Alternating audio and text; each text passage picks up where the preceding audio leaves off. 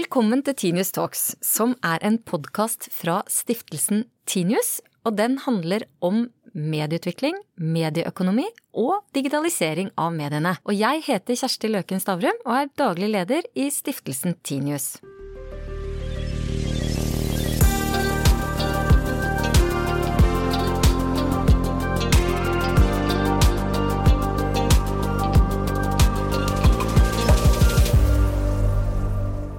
For en som er opptatt av Redaktørinstituttet, for en som eh, holder den ansvarlige redaktøren veldig høyt, så vil jeg si at vi har storfint besøk. For i dag har vi med oss Fredrik Karén, som er sjefredaktør i Svenska Dagbladet, og Espen Egil Hansen, som er sjefredaktør i Aftenposten. Og begge er, bare for å ha sagt det, eh, selvfølgelig eid av Skipsted og Stiftelsen Tinius, som står bak denne podkasten. Vi er den største eieren av Skipsted. Grunnen til at vi skal eh, snakke her i dag, er jo ikke eh, sjefredaktørinstituttet som sådan, men det er rett og slett at Fredrik eh, skal ta seg fri eh, fra jobben som sjefredaktør i Svenska Dagbladet. For du skal rett og slett dra til Canada og gjøre Canada digitalt. Eh, jeg må jo spørre deg, hvorfor kontakta de deg? Jeg hadde vært ute og holdt en del presentasjoner i eh, USA och Europa om eh, Svenska Dagbladets transformation och hur vi jobbar med data och hur vi jobbar med algoritmer. Och vi har vänt en väldigt eh, dyster utveckling för Svenska Dagbladet som var 2011-2012. Eh,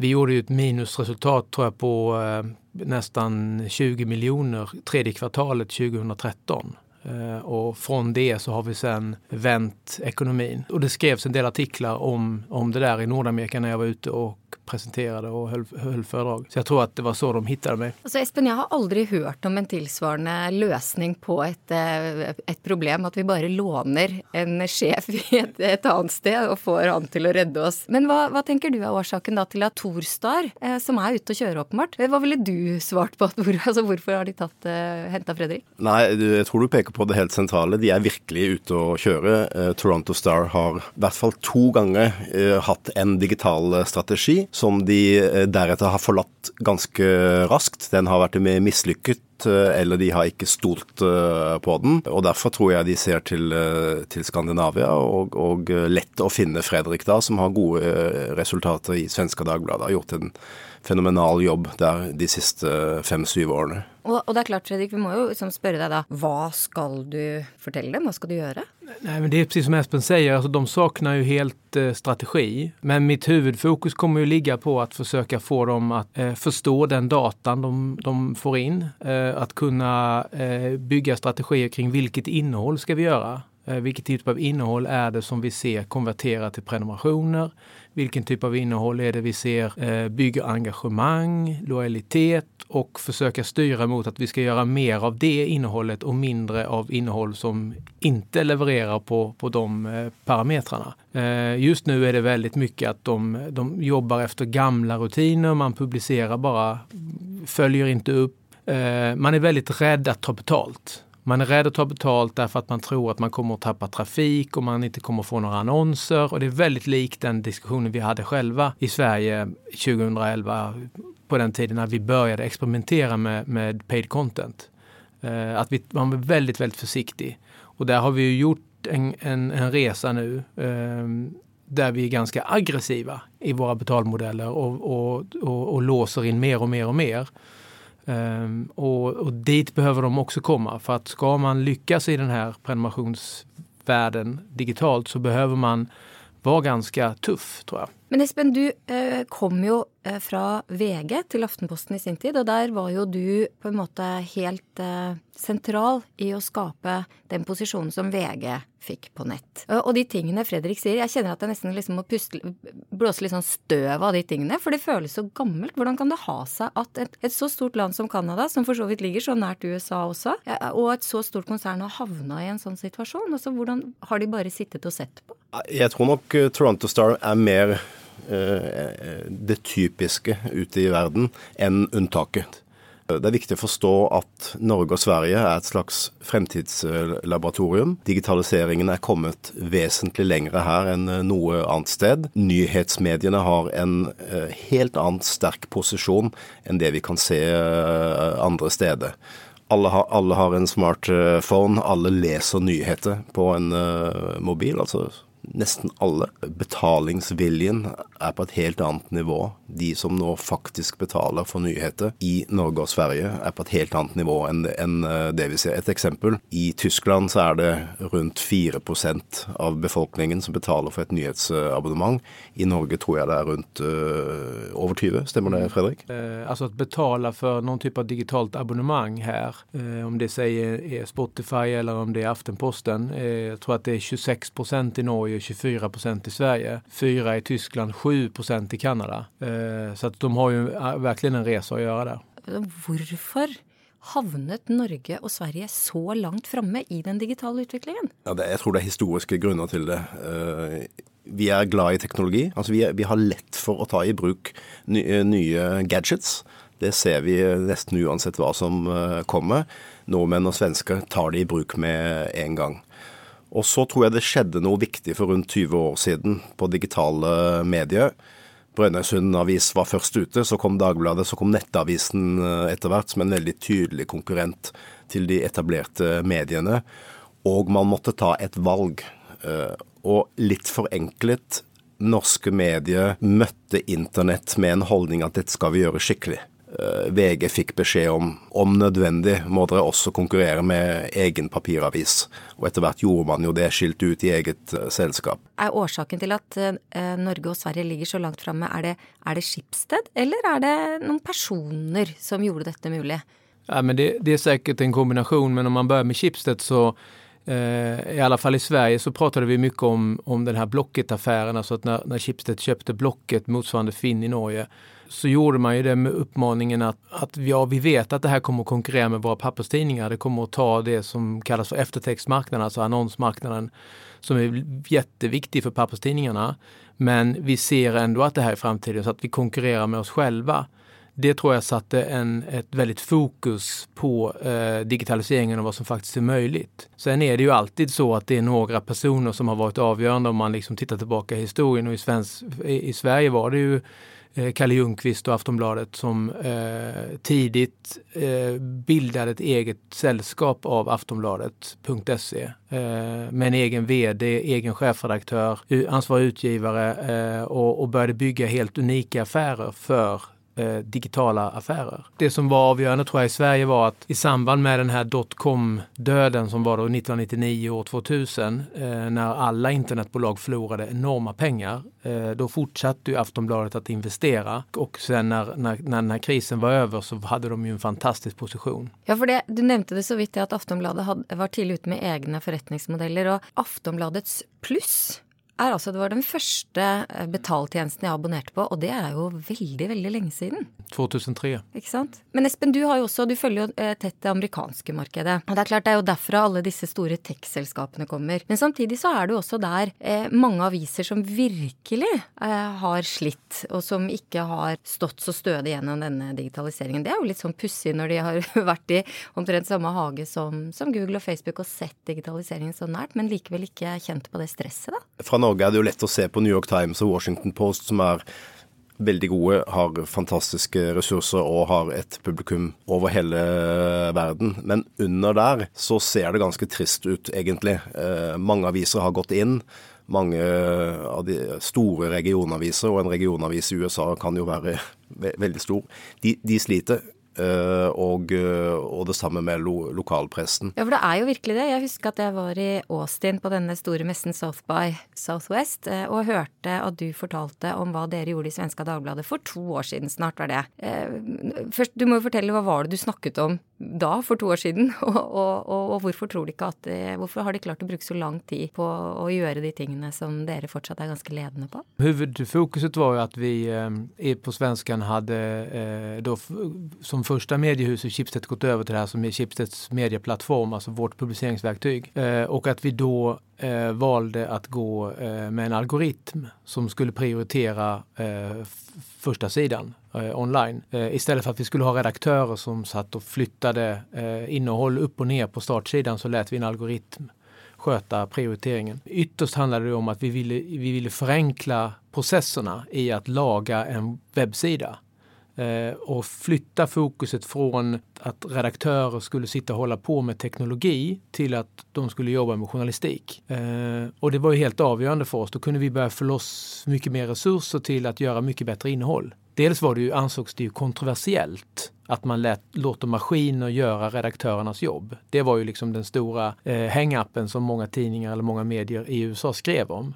Men man förstod ju också någonstans ytterst att det här var, eh, det var ju någonting positivt. Eh, och det, det, det, är svårt för många att tänka sig att maskiner ska göra journalistik. Eh, och att det, det, det, är det som är liksom det nya mindsetet på något sätt. Eh, och därför blir man ofta fast i sin egen utveckling och man vågar inte riktigt ta de här avgjørende kliven, tror jeg. Algoritmer, Espen Egil, det må vi, det må vi snakke om. ja. Eh, fordi at eh, når, når Svenska Dagbladet da starter med denne forsiden, som får internasjonal eh, stor oppmerksomhet, eh, så stoppet jo ikke arbeidet der. Nei, da var jo vi i gang med en, en ny algoritme med en ambisjon om å ta det ett skritt eh, videre og reoppfinne det vi kan kalle relevans. Våre algoritmer nå tar hensyn til 'når var du der sist', og så tar den hensyn til signalet som vi som journalister og redaktører har gitt. Dette syns vi er viktig, dette er viktig så lenge og innenfor denne konteksten. Så vi prøver å bygge et klart alternativ til det Facebook gjør, som jo utelukkende handler om å få deg tilbake ofte, øh, bruke mye tid, Eh, mye, mye, mye aktivitet, som jo er deres forretningsmodell. Selge annonser på toppen eh, av det. Ulempen med det er jo at den tar ikke noe hensyn til innholdet, og at du lett får disse filterboblene som vi har sett. Det høres jo eh, artig ut, på en måte, for den som eh, tenker at teknologien er eh, den nye og viktigste fasilitatoren i verden. Men, men, Fredrik, du var jo inne på det at man skrubba litt på skal virkelig teknologien lage innhold. Det er jo ikke så rart at man syns det er eh, liksom noe som skurrer der? Nej, men jag tror att, eh, jag tror att vi måste vänja oss vid, eller framförallt är det väl en, en utbildningsfas som alla redaktioner behöver gå igenom. Vad är det för typ av journalistik vi ser att, att vi inte behöver göra själva. Eh, och vad är det vi ska lägga vårt fokus på? Eh, vi ser ju nu en uppsjö olika typer av robottjänster eh, som är, växer sig stora, åtminstone i Sverige. mycket inom sport, mycket inom ekonomi och en hel del breaking news. och det handlar ju om att göra innehåll, göra istället för att vi skriver tre sportartiklar kanske vi skriver 300 000 sportartiklar ner till minsta gärdsgårdsnivå på liksom fotbollsserier eller ishockey. Och sen försöka förstå vad, vad, vad, ska vi göra med allt detta innehåll? Du måste kunna se ditt större perspektiv och inte bara hur du som konsument, jag kan ju inte läsa 300 000 artiklar eh, och vi kan inte anställa tusentals journalister som sitter och, och, och gör det. Men, men vi måste kunna liksom se hva har vi for muligheter framåt. Så Espen, man, Mye av liksom, fortvilelsen i redaksjonene har jo over år vært at man har måttet nedbemanne og kutte kostnader. Og da jo, da har kostnadene vært folk, egentlig. Så har denne digitale transformasjonen vært sånn at du, at du måtte kutte journalister. Men når du da tenker det, ser på det i, i det lyset Fredrik sier, så er, er, var det kanskje ikke så feil? Journalistikk krever journalister, men ikke, ikke all informasjon krever det. Og det Fredrik eh, peker på, er at nå har vi mulighet til å gi mer informasjon som er mer relevant akkurat for deg. Men når det gjelder undersøkende journalistikk, f.eks., så kan vi bruke teknologi til å støtte den, men det krever en uh, solid uh, redaksjon med fagkunnskaper og en etikk for å utføre denne journalistikken. Så jeg ser ikke for meg at eh, dette går mot null. Kanskje har vi kuttet ut for mye.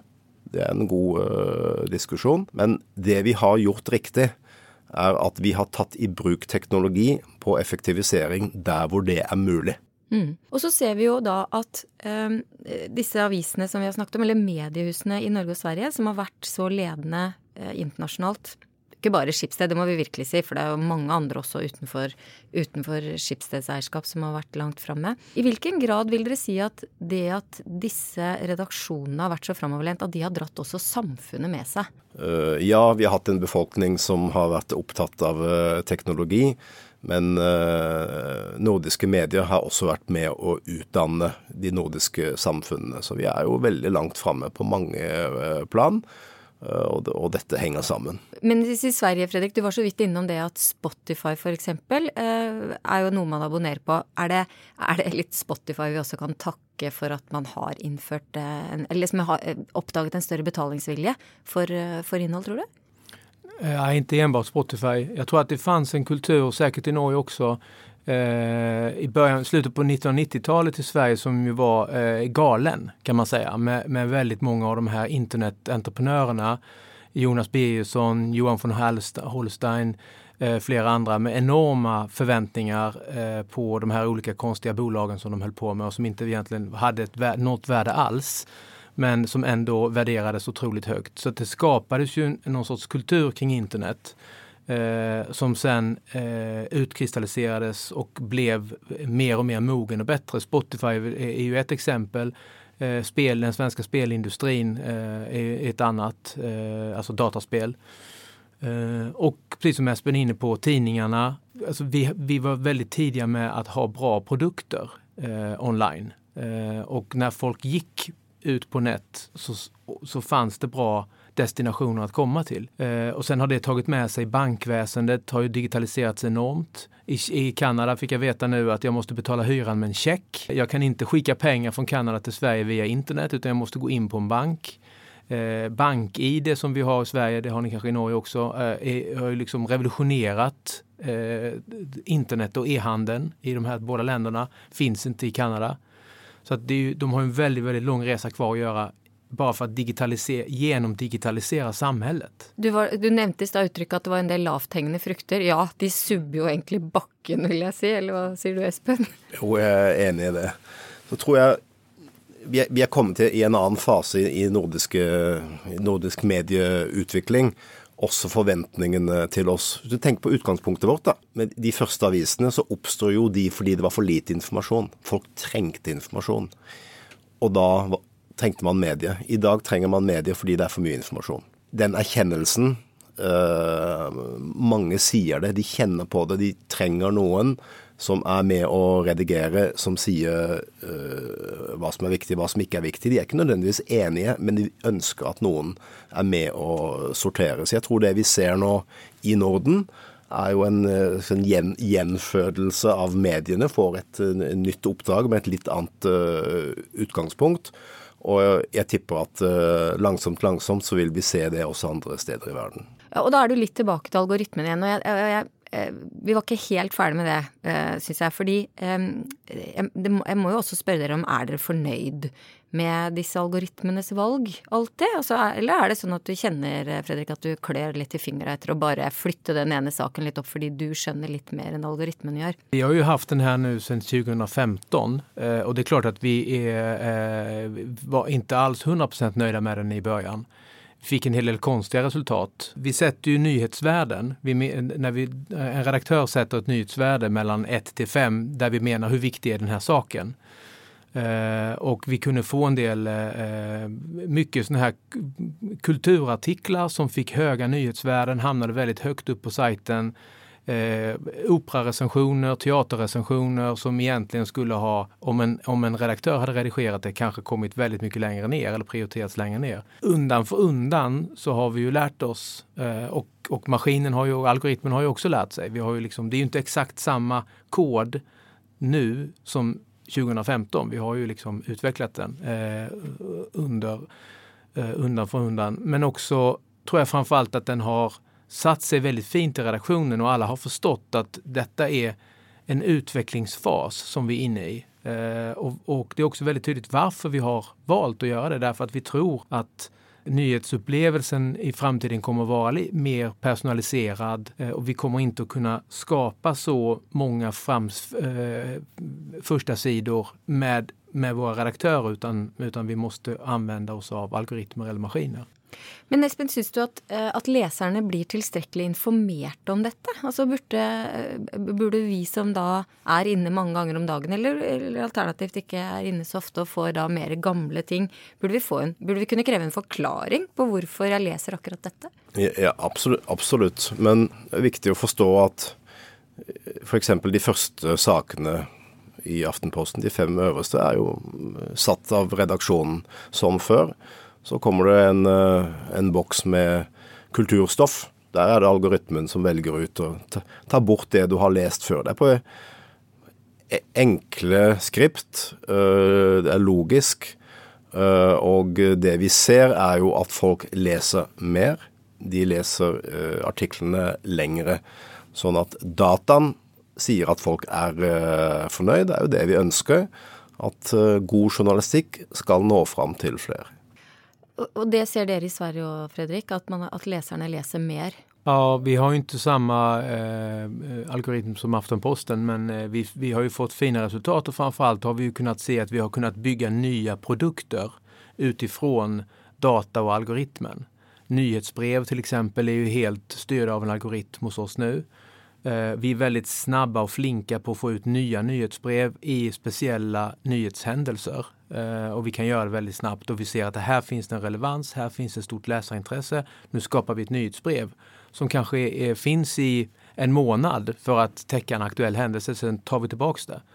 Men det er jo et sett der, et, et eksempel på hvordan man kan jobbe med data på et effektivt sett i en redaksjon. Og møte lesernes interesser og behov. Så vi er egentlig der at algoritmen nå er bedre enn redaktøren, skjønner jeg. Nei, eh, men redaktøren jobber på en annen måte. Før så bestemte vi den saken skal være der, og den skal være sånn. Nå sier vi noe om hvem den er eh, relevant for, og hvordan vi eh, prioriterer den. Den er viktig for alle, kan, kan vi f.eks. si. Da får alle den. Selv om du da bare er innom Aftenposten én dag i uka, så får du nå blir du eksponert for flere av de sakene som Aftenposten mener du bør lese, eh, og det er en god ting. Jeg tror at det er, stor, det er den store forskjellen just mot en, en filterbubbla eller en Facebook-algoritm. At det finnes et, et grunnvalg som redaksjonen faktisk har gjort. De her fem, eller hva det nå er. Jeg mener, Det fanns jo mange eksempel etter brexit-omröstningen der folk gikk inn i sine Facebook-feeder og de kunne ikke se en enda en person som hadde røstet Eh, emot. Eh, så är det ju inte i det här fallet utan händer det en stor nyhet i Oslo så kommer ju alla som läser Aftenposten att se den. Nå er jo dette relativt uh, nytt for oss, men i planene videre nå så vil vi jo f.eks. kunne se at du leser uh, Du har et verdenssyn, du leser kun uh, meningsartikler på den siden. Og da vil vi eksponere deg også for mot, motargumenter, folk som har et annet syn. Igjen, det er jo de prinsippene som ligger til grunn for redigering av uh, Aftenposten. Vi ønsker at ulike syn skal være representert. Tror at vi alle blir litt uh, klokere da. Og så ser vi hvordan kan vi gjøre den jobben enda bedre ved hjelp av algoritme. Vi, vi, sitter jo her og snakker for å gjøre folk oppmerksom på hvor flinke eh, mediehusene i Skandinavia faktisk er, hvis vi ser det eh, relativt til den store verden der ute. Og jeg vil jo tro at en av grunnene til at, eh, til at f.eks. Canada da ligger langt etter, er jo dette med at papiret er så lønnsomt og nettet er ikke så lønnsomt. ikke sant? Så du får denne veldig vanskelige problemstillingen når skal du ta denne cash-kua som papiret er. Men når dere nå sitter og snakker om algoritmene, så, så slår det meg også hvor ekstremt mye bedre nettprodukter plutselig blir. Mens, ikke sant, jeg har jo, jeg har jo også papiravisa, f.eks. Ja, ja, både Aftenposten og jeg leser jo E-avis og Svenska Dagbladet. Og der er det jo ett valg for alle. Eh, så, så, så der, med algoritmene, så, så reiser jo nettet veldig fra et veldig stivt papirprodukt, Espen. Gjør det ikke det, eller? Jo, så dette er jo, dette er jo det digitales eh, store fordel. Man kan eh, gå i langt større grad i dybden og i bredden. En kan gi mer informasjon, kan bruke ulike fortellerteknikker osv. Når det er sagt, så er jo faktisk papiravisen en veldig effektiv browser. På veldig kort tid kan du få et, en, en, oversikt over ja, nyhetsbildet. Og akkurat den eh, er det ingen som virkelig har klart å gjenskape eh, digitalt. Den hurtige oversikten. Papirtidningen har jo litt, den, den, den møter jo litt, delvis litt andre behov. Eh, den er veldig koblet til vana, i alle fall på morgen, morgentidningene på frokostbordet. Det finns en idé, en, grundläggande idé i en morgontidning om att du och jag ska ha läst samma sak, så kan vi prata om det på jobbet. Eh, skapa samtalsämnen, så har det varit i över hundra år. Eh, eh och det har ju slagits, delvis slagits sönder eh, online, därför att människor kommer från helt olika håll och har läst olika saker. Men det, det, det är ju intressant att det är ingen som har lyckats egentligen paketera en produkt online som är bättre än, än en e-avis. Det är ju intressant. Vi, vi, såg ju alla de här iPad-produkterna som kom eh, och som alla trodde och stod upp och hoppade att nu har de löst eh, papperstidningsvärldens stora problem. Men det hade de ju inte. Eh, ingen av dem eh, lyckades ju speciellt bra. Eh, så det är ju intressant att e-avisen är ju den, en av de starkaste incitamenten för åtminstone Svenska Dagbladets läsare att gå från papper till online digitala prenumerationer. Og det illustrerer jo også hvor ekstremt komplisert det er å være redaktør nå til dags. Hvor før så sa man hvilke saker man skulle lage, og så lagde man de, og så publiserte man de i avisen. Mens nå må man altså ha dyp kunnskap og forståelse for en hel rekke ulike produkter og drivere, og prøve å forstå hvorfor, som du sier, e-avisen, eller da de facto papiravisen, er såpass sterk når du har så fine algoritmer som lager personifiserte produkter, da? Saken er jo at medier dør aldri. Eh, vi sier det hele tiden. Papiravisen kommer til å dø. Radioen har jo nå dødd i hvert fall 60 år. Medier er knyttet til. Eh, de har like ulike uh, forse, uh, men de dør altså ikke. Helt til nå til slutt, så liksom, Vi har snakket om en pall, pallposisjon, men eh, verden går jo videre. Forandring av verdens gang. Eh, hva, eh, hva, er det neste som kommer til å gjøre at dere dere fortsatt vil være veldig attraktive innledere på internasjonale konferanser og, til og med måtte ta ledig fra jobben for å hjelpe andre mediehus. Hva er liksom det neste, Espen? Det de er mest interessert i nå, det er jo hvorfor vi lykkes så godt med digitalt abonnement. Og få leserne våre til å betale I, igjen. Hvis du tar bort New York Times og et, et, et par-tre andre uh, som er en egen liga, så er det sånne mediebedrifter som det vi representerer, som eh, får det til nå. Så er, der er det stor interesse. Og så er det jo det vi gjør på algoritme og på lyd. Og du Fredrik, hva er det neste du skal imponere verden med? Nei, jeg jag vet ikke. Jeg tror at vi kommer til det er vel en... Eh, det er jo interessant å se hva som hender med eh, rørlig bild för abonnemangstidningar. Var ska det ta vägen? Eh, vi, vi, kan inte kopiera det som VG, Aftonbladet och andra har gjort. Eh, vi har inte riktigt fått någon fart i den affären. Vi har inte riktigt knäckt koden i vad är det för typ av rörlig bild som, som eh, abonnemangstidningar egentligen ska hålla på med, om vi ska hålla på med det överhuvudtaget. Den andra delen som kanske inte, jag vet inte om det kommer att ge mig några platser på någon konferens, men vi behöver knäcka också annonskoden digitalt. Vi behöver förstå vad är det för typ av eh, annonsmarknad, eh, annonslösningar vi ska ta oss an. Därför att den traditionella banner, bannern som vi har vant oss vid, eh, den kommer inte att fungera eh, för oss. Och jag, jag är väldigt, tror väldigt mycket på att försöka hitta en annonsaffär bakom paywall. Alltså för inloggade läsare som är väldigt mycket, känns mycket mer premium, väldigt mycket mer exklusiv. Eh, enn en, en den vi har vant oss vid på, på internett. Det tror jeg at hvis du klarer det, da kommer ketsjupen ut av flaska. Så jeg tror jeg egentlig da vil bare ønske deg hjertelig velkommen raskt tilbake fra Canada. Og så gleder jeg meg til å møte dere igjen og høre hva dere gjorde i 2019. Takk skal dere ha.